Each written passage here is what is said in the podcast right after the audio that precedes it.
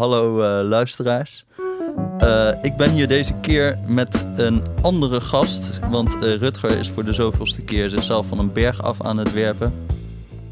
Ik ben hier deze keer met onze correspondent onderwijs, onderwijzer, studentendemonstrant, Oh, wat nu al. Ja. Jo- Johannes Visser. En eh, Johannes Visser die schrijft voor ons altijd hele conservatieve stukjes over het onderwijs. Hij is eigenlijk gewoon eh, de rechtervleugel van de correspondent. Maar Wat, wat al snel is bij de correspondent. ik, eh, ik kwam er een beetje op om jou uit te nodigen, omdat we ook gewoon... eh, laatst had je echt weer een gruwelijk stuk geschreven. en dat, eh, dat, eh, dat had de titel, wat was het nou? Even kijken hoor. Oh ja, waarom leerlingen een leraar nodig hebben om te leren. Nou moet ik dus zeggen dat ik de, eh, in mijn onderwijservaring had ik eh, eigenlijk een gruwelijke hekel aan leraren. Ja. En aan onderwijs in zijn volle algemeenheid eigenlijk. ja, je hebt een heel moeilijke jeugd gehad, hè? Ik, ik heb een hele lastige jeugd Ja. gehad, Johannes. Eh, maar nee, maar nee, dat eventjes voor de mensen die het niet weten. Ik, ik heb slechts de HAVO afgerond met een mager zesje. En eigenlijk ben ik gewoon de laatste twee jaar van mijn studie en zo kom ik ook niet echt meer opdagen. Ik vond het eigenlijk gewoon heel erg vervelend en ik kon gewoon niet zo goed leren. Eh, dus, en ik heb eigenlijk altijd gedacht, eh, niet geheel eh, zonder eigen belang, dat dat vooral aan het onderwijs lag. En daarom zit ik nu hier. Ja. En daarom, daarom zit, eh, zit ik Johannes nu hier. verantwoorden namens het onderwijs. Jij bent de enige afgevaardigde van het onderwijs die Sorry, ik ken. Jesse. En nee, kijk, want als ik jouw stukjes lees, dan krijg ik toch stellig de indruk dat het onderwijs gewoon deugt. Ja, Toch? ja, ik Dat deug. toch? Want ik, ik lees nou, ik heb nou even je oeuvre doorgenomen. Mhm. En dan lees ik altijd aan het einde, komt er zo'n zinnetje. Nou, dat doen we dus best goed in Nederland. Ja. Of, nou, misschien moeten we dus gewoon lesgeven. Ja. En, ehm, nou ja, eh, hoe komt dat? Waarom denk jij dat het wel allemaal heel goed is en dat er niet echt een of andere radicale, radicaal anders moet? Nou, er, er moeten zeker wel dingen anders dat vooropgesteld. En dat conservatisme eventjes, eh, eh, nou, daar zullen we het zo over hebben.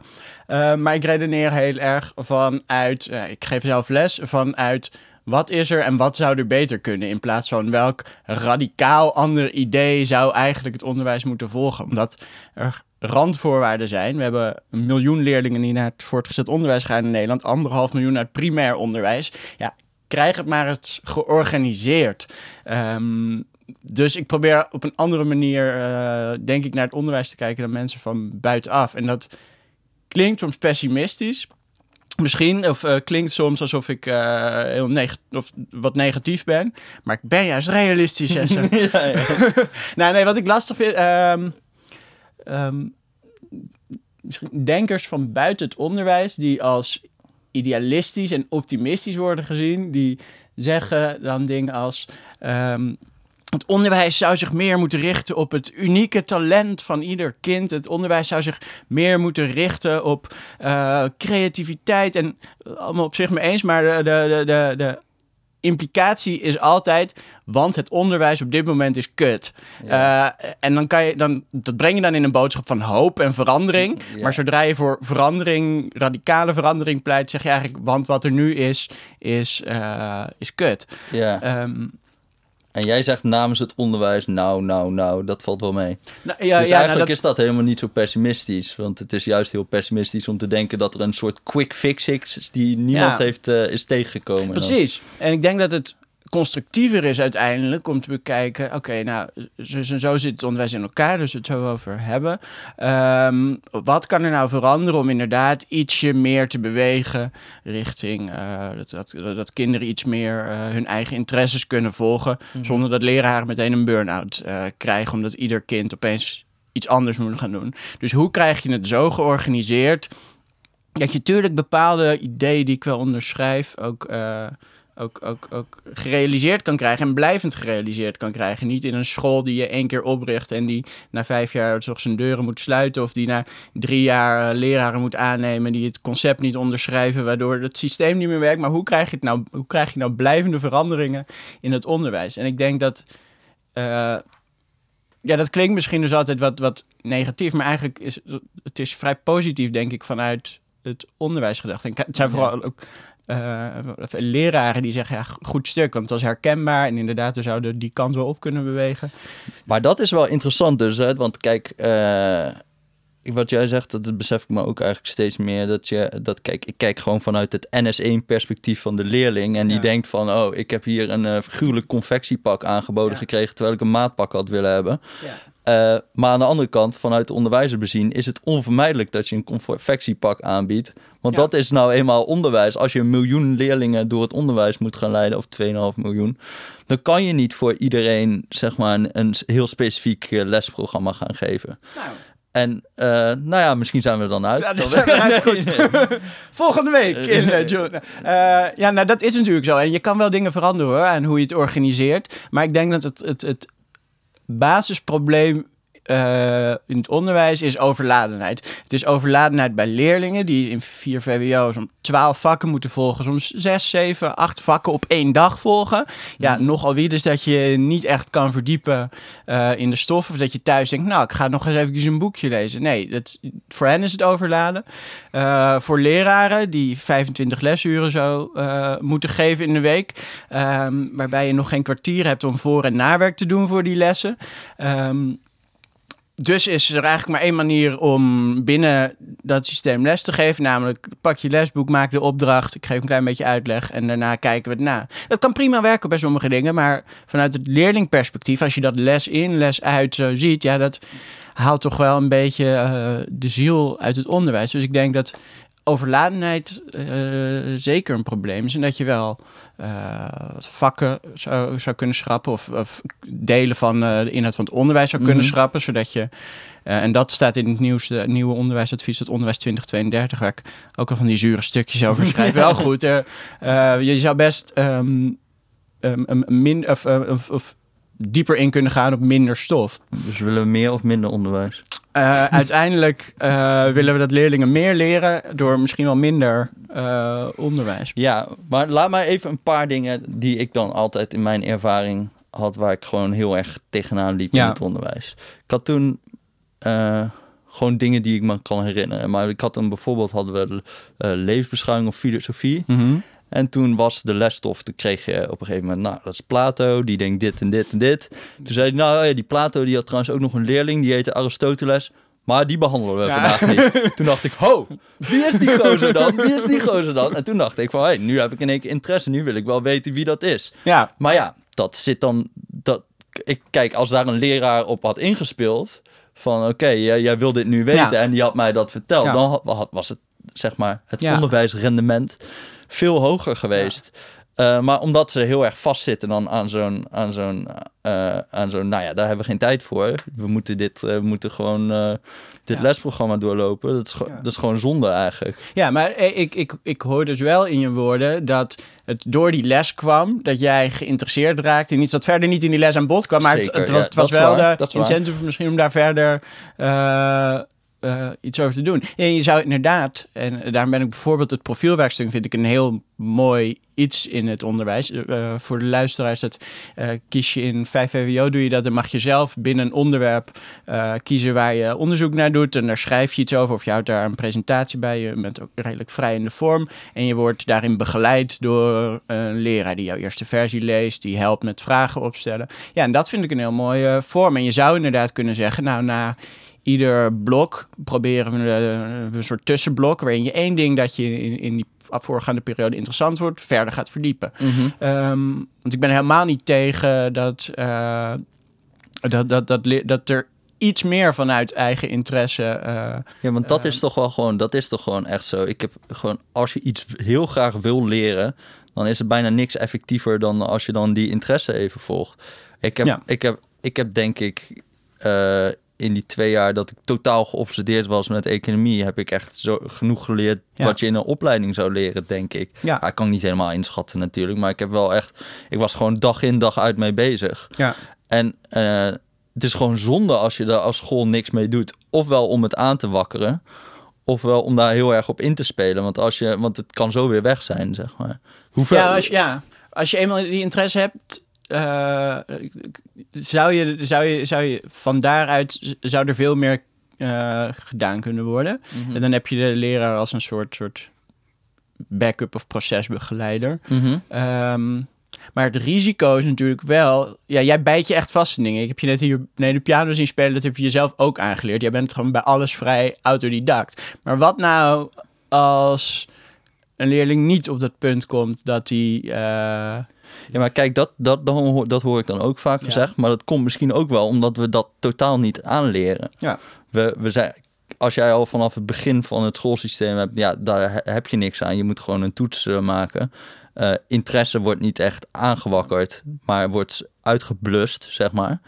Dan, ja, dan, dan, dan gaat het toch ook. Dan kan je ook niet verwachten dat het ooit eh, dat mensen zelf interesse gaan Ja. ontwikkelen.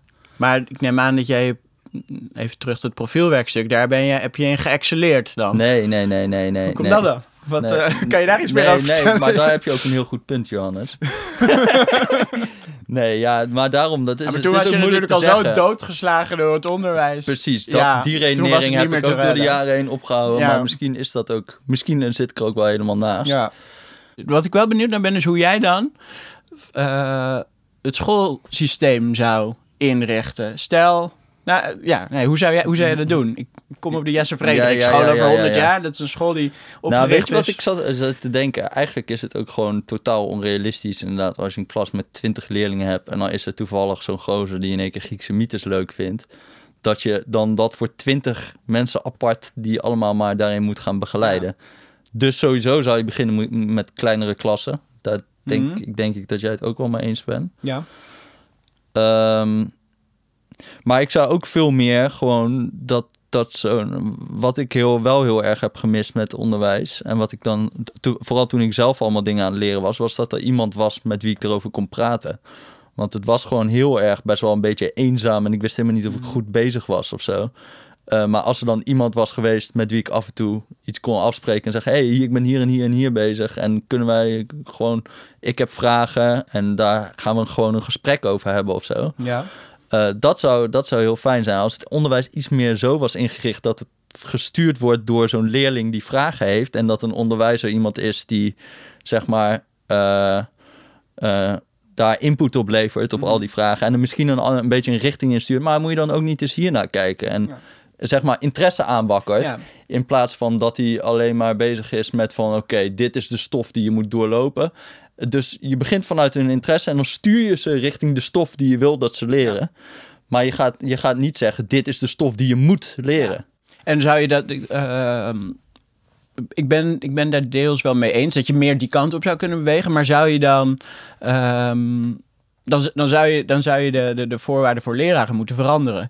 Ehm, Ik denk dat dat Dan- veel moeilijker is voor leraren. ja, want dan moet je veel... als Zodra ik 1 op 2, 1 op 3, 1 op 4 eh, leerlingen ook nog moet begeleiden. Ja, ik probeer dat nu af en toe zo bij de schoolkant. Probeer je een klein groepje te begeleiden. Mhm. Ehm, eh, bij een boekenclub een wat kleinere groep. Zo probeer je maar allemaal vind je wel- dat niet ook de leukste dingen dan?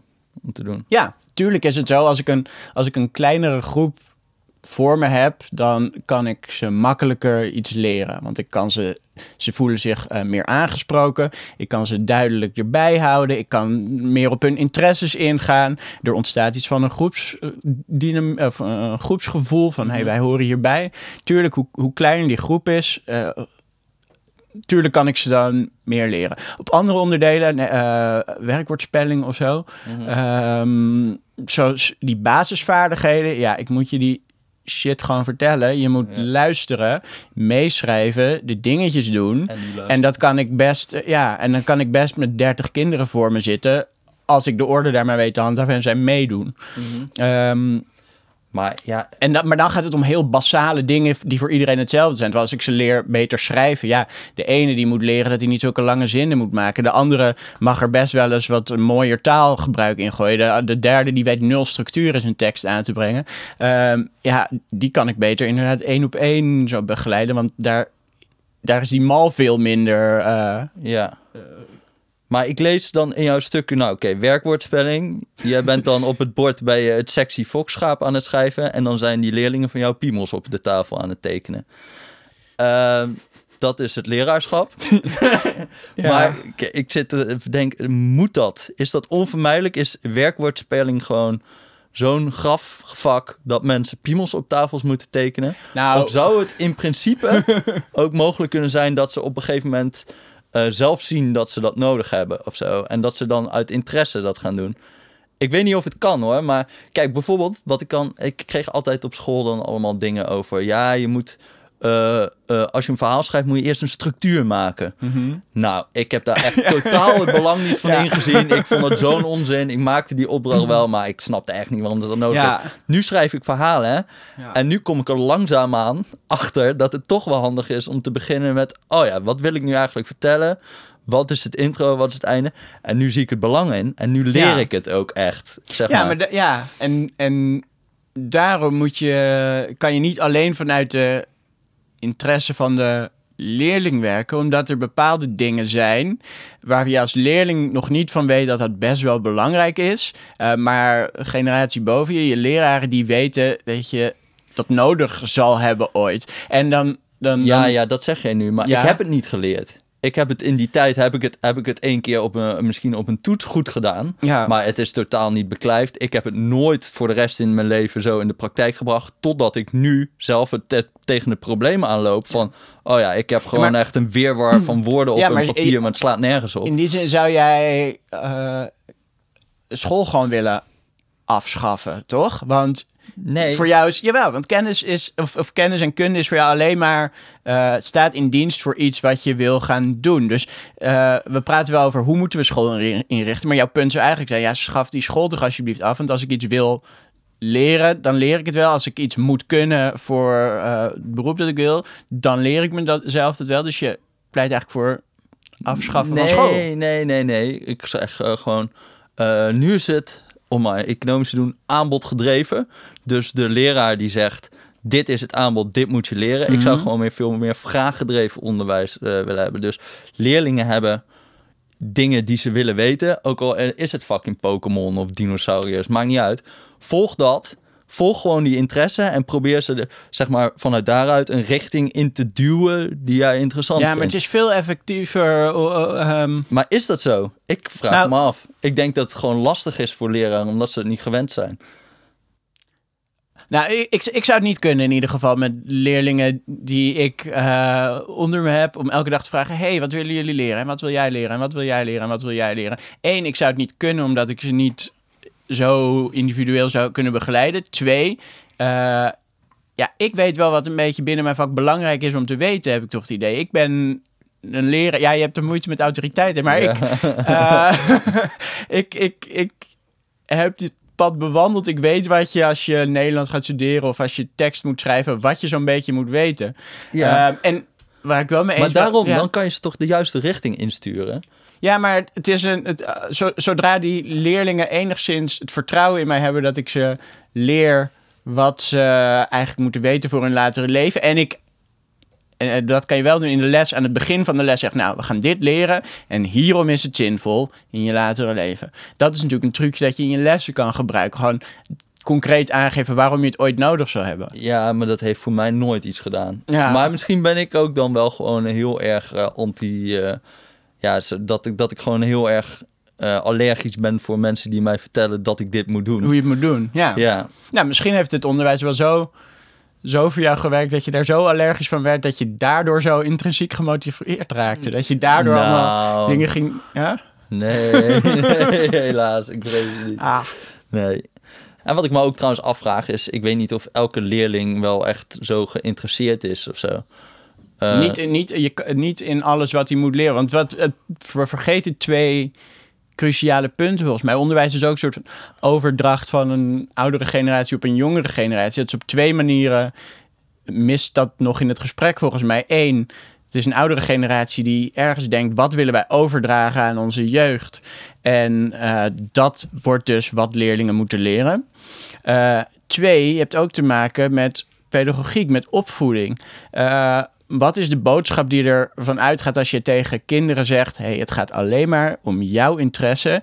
Jij moet centraal staan. Je gaat alleen maar doen wat jij goed vindt. Dan is de boodschap: jij bent super belangrijk. En eh, volgens mij is het hele probleem met millennials is dat nu aangekaart wordt dat we onszelf zo belangrijk vinden en helemaal niet tegen weerstand en tegenslag kunnen. Dus jij je bent ook voor bezig meer het met- Führerprincipe in het, eh, in het onderwijs. Ja, dat ja, mensen het- toch een beetje onderdanig blijven. Nou, eh, ik zou Ik formuleer het wat ik zou, ik zou weerstand zeggen. Ik heb hier een boek mee dat heet. eh, dat is van Ja, mensen, jullie moeten even weten. Ja, Johannes heeft hier zeven, zeven boeken liggen ter intimidatie. ja, ik wist, ja, ik wist dat jij een, een heel moeilijke jeugd had gehad. Dus ik dacht, ik ga daar de boekjes een beetje bij zoeken. Ja. Nee, ik had hier een, boekje van Philippe Merieux, dat is een Franse pedagoog. Ja. Dat heet De plicht om weerstand te bieden. En hij zegt, ja, onderwijs moet ook een soort van... eh, moet ook weerstand bieden aan leerlingen. Omdat door die weerstand mensen volwassen worden. En het... eh, Wat bedoel je dan met weerstand ja. precies? Het is gewoon eh, dat je moet Nou, leren moet- om met ellende om te gaan of zo. Met Ja, dingen die je in, niet wil. in, in zekere zin. Het, het, het leven draait niet alleen om wat jij wil, Ja, ja, helaas. Ja, ja. Ehm, je leeft samen met elkaar. Je leeft met generaties boven je. Eh, je, je, je, je- een andere filosoof die, die zegt... Ja, er zijn drie doelen van onderwijs. Eén, kwalificatie. Dat is dingen die je moet leren voor een diploma. Twee, eh, subjectwording. Hè. Wat voor mens word ik? Eh, wat zijn mijn eigen interesses? Hoe verhoud ik me tot de wereld? En drie, eh, eh, subjectwording. En drie, dat gaat meer over welke waarden zijn er in onze samenleving. En dat gaat niet over hoe verhoud ik me tot die waarden, maar welke waarden zijn er? Hoe verhoud ik me in de wereld? Wat, wat, wat is belangrijk? En die twee, dat, dat hele idee dat onderwijs ook overdracht is van generatie op generatie, dat, dat miste misschien nog in ons gesprek. En dat is ook een argument om te zeggen. Ja, maar eh, ik zou niet zeggen dat dat er dan niet meer is of zo, als het vraaggedreven is. Ik, kijk, één iemand heeft duidelijk meer ervaring. De leraar heeft nog steeds meer ervaring. En die probeert natuurlijk ook over te dragen wat hij weet ja. aan die leerling. Maar dat, ja, maar dat, dat is wat er wel gebeurt. Ik ben nu bezig met eh, een, een, collega die aardrijkskunde geeft. Eh, ja, leerlingen in drie gymnasium in een klas gaven aan. Ik wil, wij willen iets met politiek doen, de verkiezingen komen eraan. Ja, dan ga ik nu bij Nederlands, ben ik met ze aan het leren debatteren. Eh, ze schrijven een verkiezingspiece. Bij aardrijkskunde doen ze inhoudelijk die thema's. Ja, zodra dat kan en je kan zoiets op poten zetten, dan, dan, dan, dan wil je dat natuurlijk wel doen. Dus ik ben wel daarmee in die zin met je eens. Daar, daar kan je best binnen het systeem... eh, maar jij vraagt me toch niet van, willen jullie een verkiezingsspeech schrijven? Je zegt, je moet een verkiezingsspeech schrijven. Nee, er was een soort wens vanuit de klas. Ze hadden bij aardrijkskunde over gehad. Ze herhaalden dat bij mij. Ehm, en dan weet ik vervolgens wel hoe ik dat, hoe ik dat gaaf kan maken. Want dat is nu wel zoiets. Eh, ik denk dat ik wel in dit geval weet hoe ik mijn lessen dan zo in kan richten... dat het voor al die leerlingen leuk is. Terwijl als ik het allemaal aan hen overlaat... eh, is het voor hen uiteindelijk minder leuk. Want ik, ik, ik weet welke, hoe, hoe ik dat aan kan pakken, wat ze dan moeten leren, welke werkvormen daarbij kunnen. Ik weet dat te structureren. Dus uiteindelijk ben ik dan degene die, die, die zorgt dat dat ook uitdagend onderwijs Mhm. wordt. Oké, maar ik wil nog heel even terug op dat weerstand bieden. Ja. Want dat is juist vaak toch wat ze zeggen dat er een soort kritiek op onderwijs is. Van ja, je leert mensen eh, een beetje onderdanigheid of zo. Ja. Dat heb ik altijd in mijn links-radicale literatuur. Mhm. is dat juist altijd als van ja, je maakt ze eigenlijk klaar voor de fabriek of zo. Ja. Eh, Nou- maar jij zegt het is eigenlijk een kwaliteit. Ik denk, dat, nou, ik denk dat je een parallel moet trekken met hoe zou je je kinderen opvoeden. Ehm, er, zijn, er, zijn, er zijn eigenlijk twee, twee verhalen over het onderwijs. Eén is het kind moet centraal staan. Het moet vanuit het interesse van het kind. En het onderwijs is, is een soort fabriekswerk. Ja. Ehm, en dus het onderwijs is heel erg schadelijk voor ze. En eh, wat dat kind dus ervaart, is dat tegen hem gezegd wordt: jij staat centraal, jij bent heel belangrijk. En vervolgens komt hij in een systeem waar die eigenlijk helemaal niet zo heel belangrijk is. Dus ik vind dat je het systeem best wat meer richting eh, eh, eh, interesse van het kind kan ombuigen. Als het kind maar niet gaat denken dat hij het middelpunt van de wereld is. Nu denkt het kind dat wel, terwijl het systeem niet zo is. Je zou het systeem iets meer zo kunnen inrichten dat het wel zo is, als hij het maar niet gaat denken.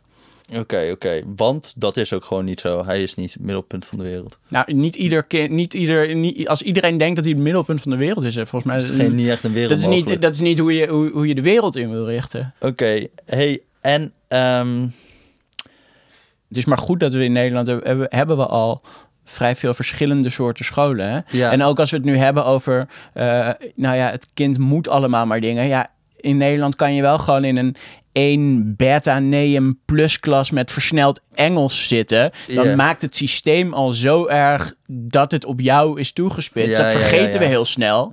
Ehm, maar dat is natuurlijk heel iets anders dan dat je met alle niveaus in een, op je dertiende bij elkaar zit. Ons systeem is al op heel veel scholen. divers. Ja, en nu is er juist weer een pleidooi vanuit alle politieke partijen om bredere brugklassen met meer niveaus door elkaar te doen. Omdat we er nu achter komen dat de ongelijkheid groeit en dat kinderen elkaar helemaal niet meer tegenkomen. Ja. Oké, maar eh, eigenlijk alle beleid Ja. gaat over, over, over lesprogramma's. Nou, dat is niet helemaal waar. Er gaat beleid over de inhoud van het lesprogramma, maar Ja, oké. er gaat beleid over, eh nou, dus een motie aangenomen onlangs van Paul van Menen van D66 over dat leraren minder les zouden moeten geven. Mhm. Waardoor je meer aandacht kan besteden aan die lessen, hoop je dan. Waardoor eh, die lessen wat beter worden. Er is natuurlijk eh, beleid om eh het leraartekort tegen te gaan. Ehm, misschien kan je wel zeggen, nou, ons grote, het grootste probleem in Nederland naast die overladenheid eh, is een lerarentekort. Want zolang we te weinig leraren hebben, kan je niet selecteren op eh, kwaliteit. Kan je eh, heel moeilijk je ervoor zorgen dat er continu kwaliteit is op scholen en docenten. Want je moet gewoon op een gegeven moment mensen aannemen die misschien niet goed genoeg zijn, omdat je een tekort hebt. Ja. En, En- kleinere klassen natuurlijk. Kan je ook Nou, en, ja, en dat is dus weer, een- want als je de klassen kleiner maakt. Ja. Ehm, ja, je hebt evenveel leer, leerlingen nog. Mhm. Eh, dus er zijn meer klassen. Dus leerla- leraren zouden eigenlijk weer meer les moeten gaan geven. Of het lerarentekort wordt nog groter. Ja, ja precies. Eh, ja. En dat is, dat is een hele lastige spiraal. Want waar begin je op het moment dat de klassen groter worden, wordt het beroep onaantrekkelijker. Dus er is wel dat- iets wat beter kan in Nederland. Nou, je zou, je, je zou heel goed, eh, en dat is, eh, dat is het grote verschil, denk ik, het enige grote verschil met Finland. Mhm. Ehm, waar we eh, graag het onderwijs mee vergelijken, is dat ze daar kunnen selecteren welke leraren er eh, voor de klas Dat ze daar staan. een leraar overschot hebben. Ze hebben daar een lerarenoverschot. Ehm, en het zijn academisch geschoolde leraren allemaal. Ze hebben daar met succes het beroep leraar aantrekkelijker gemaakt. En ik ben daar geweest om daar te kijken. En dat onderwijs is echt... Het is, het, het is nou, klassieke schoolborden, lera, leerlingen aan tafeltjes. Het is echt... Het ziet er ouderwetser uit dan ons onderwijs. Mhm. Ehm, dus ik geloof niet dat het een... Geen smartboard. Nee, nee, ja, dat soms misschien bij een, in ergens in, bij een beta-vak zo. Die mogen altijd de smartboards. Ehm, Hufters. ja, klootzakken zijn het. maar eh, nou, ik, ik denk dat het grote verschil met Finland is dat ze daar leraren kunnen. En heeft dat punt. vooral ook te maken met loon of zo? Of, eh, want je mag best even pleiten voor eh, een, een loonsverhoging. Eh, ik, heb, ik geloof dat leraren in Nederland, als je het vergelijkt met Europa, niet zo heel slecht betaald worden. Nee? Oké. Maar het is een, een, het is een negatieve spiraal die je moet zien te doorbreken. Ehm, namelijk, eh, de, klassen worden groter, waardoor het beroep onaantrekkelijker wordt, waardoor minder leraren eh, voor de klas willen, waardoor de klassen weer groter worden, want je hebt minder leraren en zo gaat het maar door. En je moet ergens durven zeggen, oké, nou grijpen we in en nu proberen we die spiraal andersom eh, te doen. En dan moet je misschien ergens ook wel zeggen, nou dan moeten we dus ehm, een, een, een eh, aantal vakken kunnen we misschien wel niet geven een paar jaar. Zo, en doe eens suggesties dan. Wat, eh, wat, moeten, we zo, wat, wat moeten we zoals Nou, nee, Wat nou, denk- je- of, of je moet... Je, je, je waarom, moet waarom zouden we nog werkwoordspelling Nou, hebben als we een eindredactie hebben? ja, Oké, oké. Wacht. Andere suggesties Ja. voor hoe we dan onderwijs beter kunnen hebben. Dus we hebben nu te grote klassen, kunnen kleiner. En dan, daarvoor moeten we iets doen aan het lerarentekort. ja. Oké, Nou, je moet, er, we- je, er, je, er, je ervoor waken dat op het moment dat je een lerarentekort hebt, dat je de eisen voor de lerarenopleiding omlaag gaat halen, waardoor Ah, het ja, oké, makkelijker ja, ja, ja. is. Want je bent dan de rest van je leven, heb je die bevoegdheid en mag je voor de klas staan. En Ehm, dat is levensgevaarlijk, want leraren maken het verschil. Ja, yes, Frederik. En wat er mis is gegaan, ik vermoed bij de invoering tweede fase heb ik wel eens gehoord, is dat er kinderen te veel moeten leren. Mhm.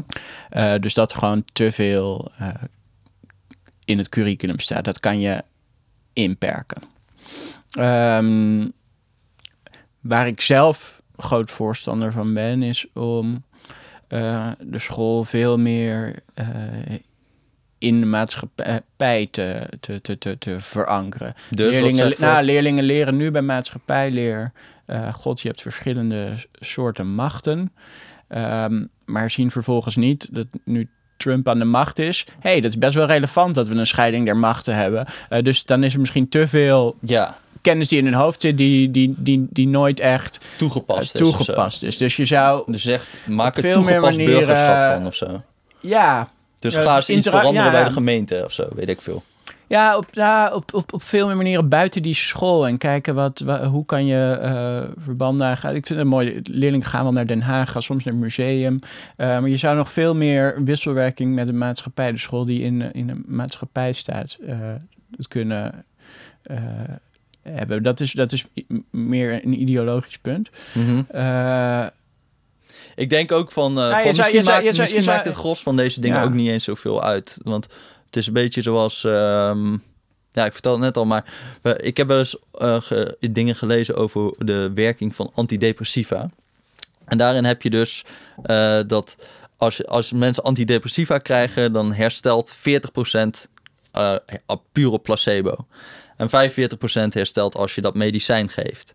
ja. En ik denk dat dat met heel veel eh, dingen van wat we dan denken te weten over onderzoek, richten we ons heel veel op dat kleine dingetje van 5%. Van wat als je nu iets doet aan een lesprogramma, wat als je iets doet aan een Ja. leraar, wat als je het onderwijssysteem heel erg verandert.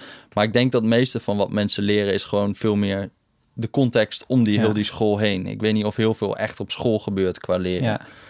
Nou, je, Misschien, eh, misschien ja. eh, dat ik dat heel erg. Maar ik, als ik nu zelf terugkijk kijk naar wat ik nou echt heb geleerd. Ja, soms, ik zat laatst Franse radio te kijken. Dacht ik, oh ja, ik heb wel Frans gehad inderdaad. Ik versta af en toe een woordje. Maar het Ja, dat- is gewoon de, een game die ik heb gespeeld of zo. Waardoor ik heel veel van geschiedenis heb geleerd.